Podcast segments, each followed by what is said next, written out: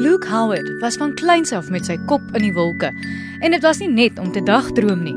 Howard is gebore in 1772 in Londen en word beskou as die vader van die wolke, die man wat vir die wolke hulle name gegee het.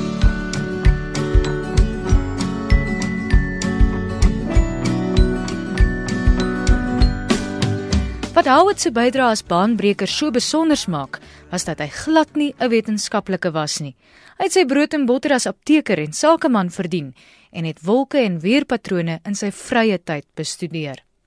Howard het verskeie wetenskaplike artikels oor die weer en wolke gepubliseer, maar sy belangrikste bydrae was sy artikel in 1802 oor die klassifisering van wolkformasies.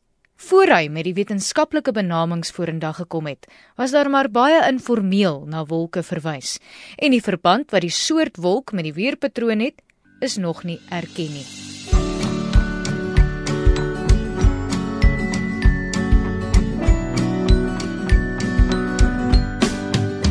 Howard het die wolke latynse name gegee wat verwys na vier wolkformasies.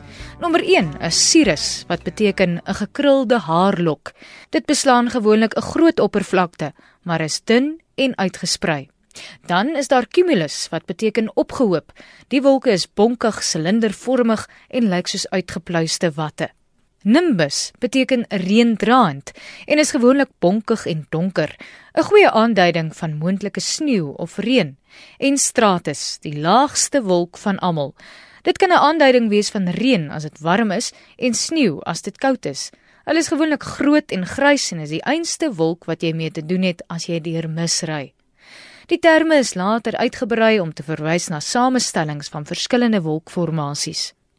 Howard is vereer vir sy bydrae deur as lid van die Koninklike Vereniging gekies te word in 1821. Hy sluit ook later aan by die Koninklike Meteorologiese Vereniging op 7 Mei 1850.